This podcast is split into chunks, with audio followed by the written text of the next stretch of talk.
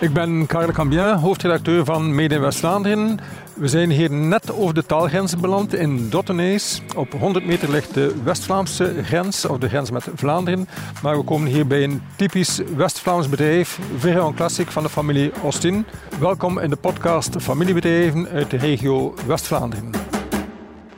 Dag Karel, welkom. Dank u. Hoe gaat het? Welkom bij Veran Classic. Terug op bezoek bij Veran Classic. Ja. We zien hier de foto's hangen van de geschiedenis, Ivan. Vertel daar eens iets over. Ik zie 92 staan, het jaar van alles begonnen is. Ja, inderdaad. 14 januari 1992, een dag om nooit te vergeten. Met een korte voorgeschiedenis waar ik uit de papierbranche kwam, ben ik door enkele omwegen toe beland in de tuinhuis- en veranda-sector. Uh, waar ik toen nog altijd werkte, of waar ik toen werkte voor een werkgever, weliswaar op zelfstandige basis.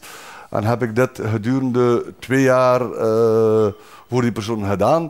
Nadien ben ik dan in, in, in 14 februari beslist om zelf uh, naar de particuliere markt te gaan verkopen. Vooral in Frankrijk en Wallonië. Waarom? Ik was hier gevestigd in Moeskroen. De foto's die je daar ziet van 92 tot 94 in mijn container, dat was in Moeskroen. En de uitvalsbasis was hier natuurlijk zeer gemakkelijk gelegd om heel snel uh, Wallonië, Henegouwen te bewerken en, Frankrijk. Nu, na twee jaren waar, ik, waar snel voelden dat we een product hadden dat de klant wou zien, wou voelen, ik zou durven zeggen ruiken, uh, hebben we beslist om in 1994 ons eerste pand uh, aan te werven in Boulevard Industrieel, in Moeskroen ook. Ja. Waar we de eerste overdekte showroom hadden in onze sector. Mhm. Dat was revolutionair, dat was nog nooit niet gezien. Een tuinhuisje die eigenlijk in een overdekte showroom stond. Maar dat was de start van een succesrijke periode. Want het voordeel was dat we daar klanten konden ontvangen 7 op 7, 365 dagen rond.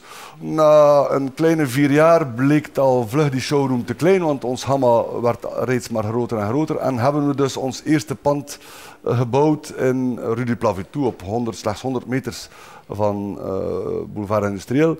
Waar we dus uh, een showroom hebben gebouwd van 600 vierkante meters en een buitentoonzaal van een, een, een 2000 vierkante meters. In die tijd deden we nog opbouwzwembaden, deden we dus al tuinhuisjes, uh, tuinconstructies, verandas. En die verandas deden we zowel in hout, aluminium of gecombineerd. En daar zijn we nog steeds een van de weinigen van in België die zowel hout als aluminium kunnen aanbieden.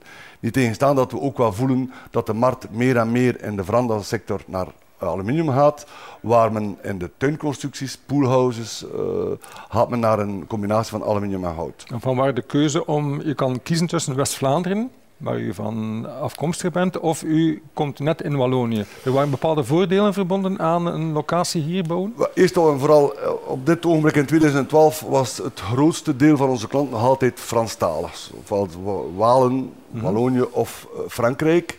Uh, en de Vlaamse markt was nog altijd uh, een beetje aftasten, een beetje zoeken. Thomas, u bent erbij gekomen vijf jaar geleden, dus we schrijven 2017. Wat is uw taak op vandaag naast uw vader? Dat klopt, het is al vijf jaar. Het gaat, uh, het gaat heel snel. Dit gaat snel. Het gaat heel snel, inderdaad. op vandaag is mijn hoofdtaak het algemeen beleid samen met mijn vader uitvoeren. in principe zijn we met drie op managementniveau.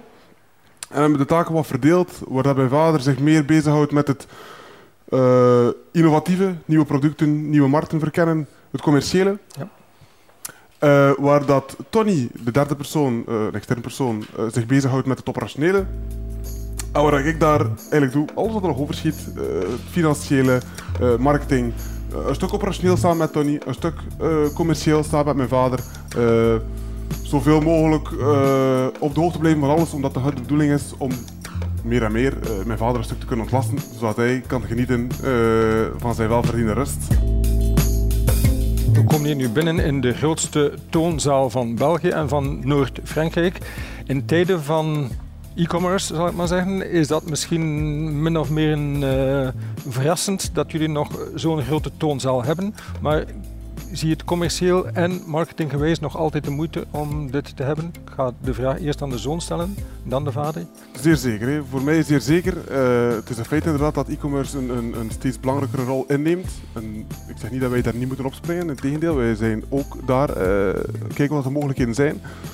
Maar we zien nog altijd in, het, in de markt en het product waar we vandaag zitten, zoals mijn vader er net aanhaalde, voelen, de ervaring, ruiken is heel belangrijk. Uh, wij verkopen een, een 100% maatproduct de mogelijkheden zijn, zijn bijna eindeloos. Als de klant het kan dromen, in veel gevallen kunnen wij het maken. En dan stel ik de vraag aan de vader. Hier komen Fransen binnen, hier komen West-Vlamingen binnen, in principe Oost-Vlamingen. Uh, en dan komen ook uh, Walen binnen. Ziet u een verschil in consumentengedrag, de manier waarop naar wat kijkt men eerder? Of uh, ziet u daar verschillen in? Absoluut, absoluut. Op vandaag is de showroom nog altijd verdeeld in drie grote groepen. Poolhouses, tuinconstructies en verandas.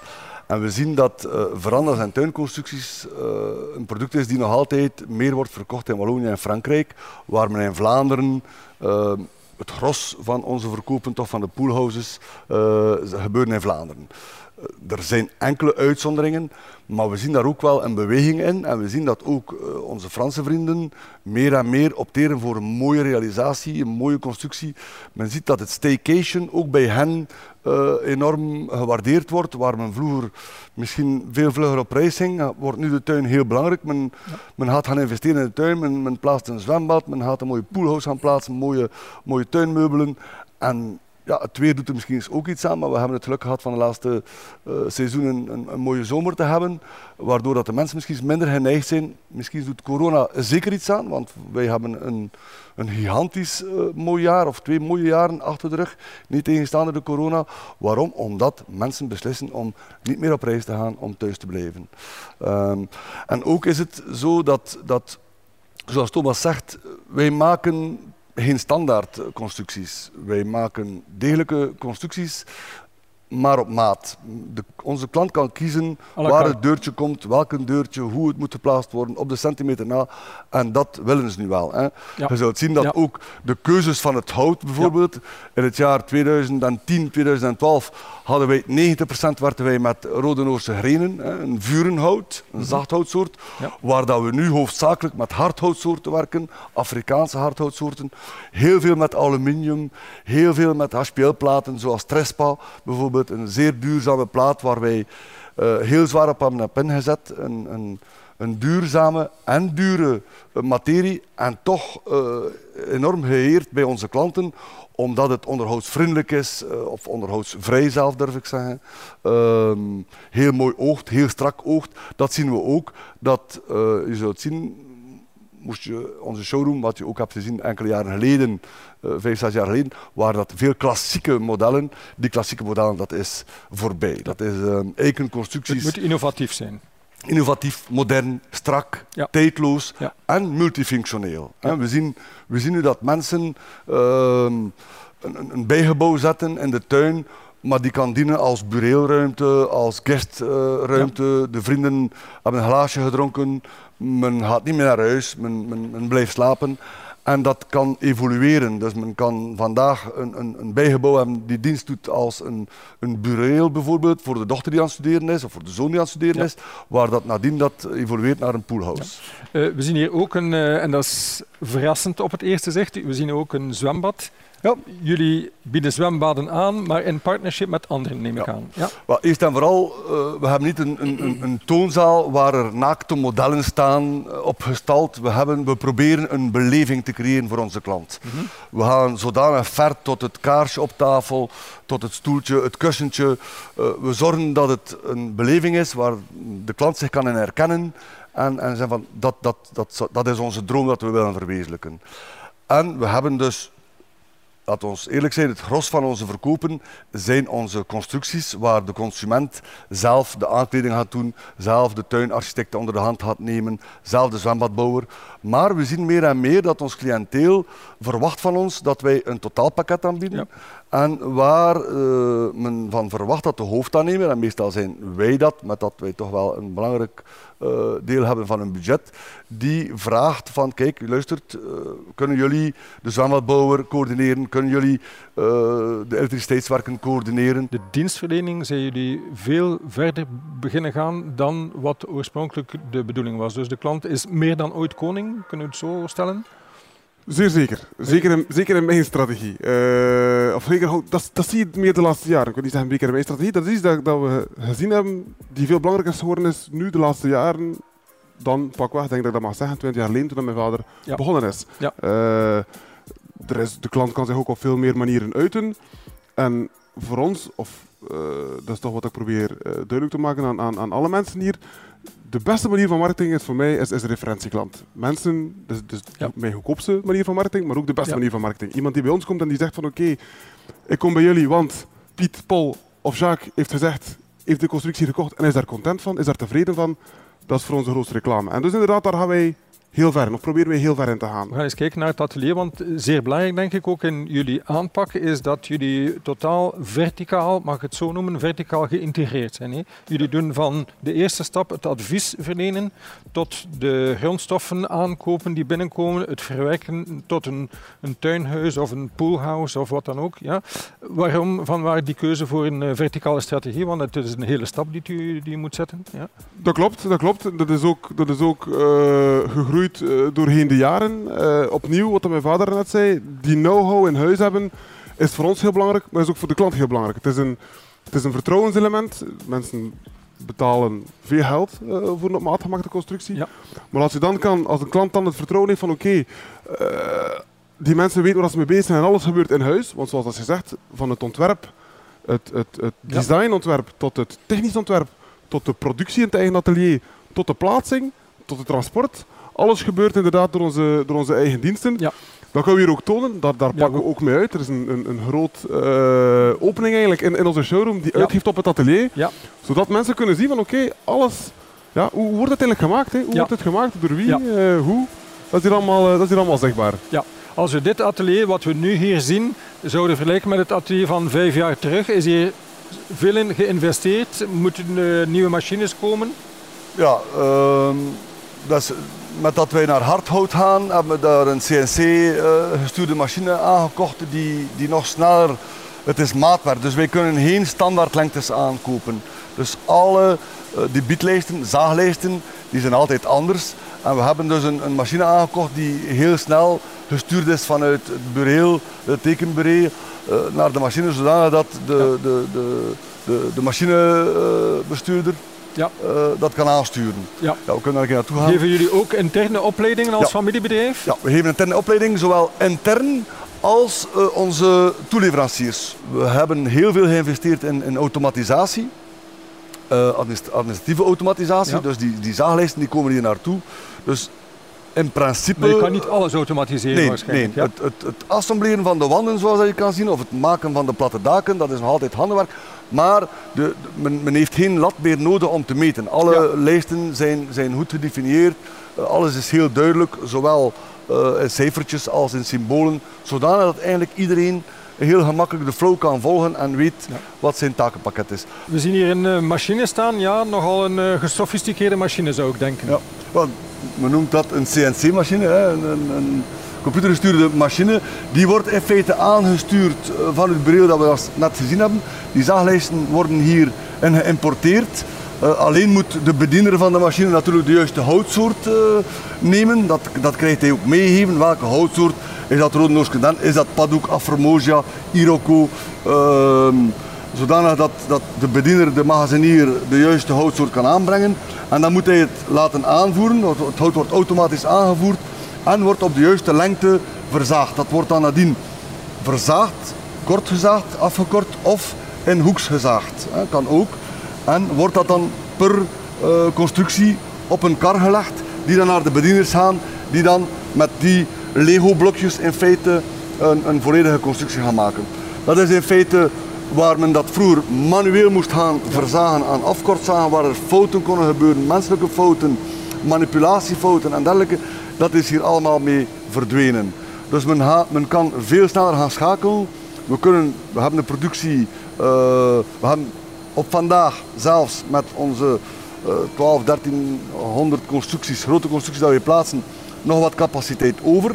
Dankzij het investeren in die CNC-machine. We komen hier binnen in het tekenatelier. Mag ik het zo noemen? Het ontwerpatelier. Ja, hier gebeurt meer dan tekenen. Eh, in principe zijn de meeste constructies getekend. Hier worden ze verder uitgewerkt eh, om naar de productie te gaan. Hier wordt ook de planning eh, voorzien. De bezetting van de machines en van het personeel wordt hier geregeld. Dus ik mag wel zeggen dat dat hier het brein is Ja. van het bedrijf. En men heeft hier natuurlijk ook het grote voordeel dat men heel dicht bij het atelier kan werken en heel snel kan Ja. eh, ingrijpen. Technologisch, hoe is alles geëvolueerd als je dat nu vergelijkt, de mogelijkheden die er zijn met vijf of tien jaar terug, dan denk ik dat er enorm vooruitgang gemaakt is. Er is een enorme vooruitgang gemaakt. Want eh, in 2012, toen ik hier begon, hadden wij gewone tuinhuisjes in Rode Noordsteden. Ondertussen doen wij poolhouses, doen wij EPDM, doen wij alle hardhoutsoorten tot Respa, allerlei buitenbekledingen. Dus het is een enorme evolutie.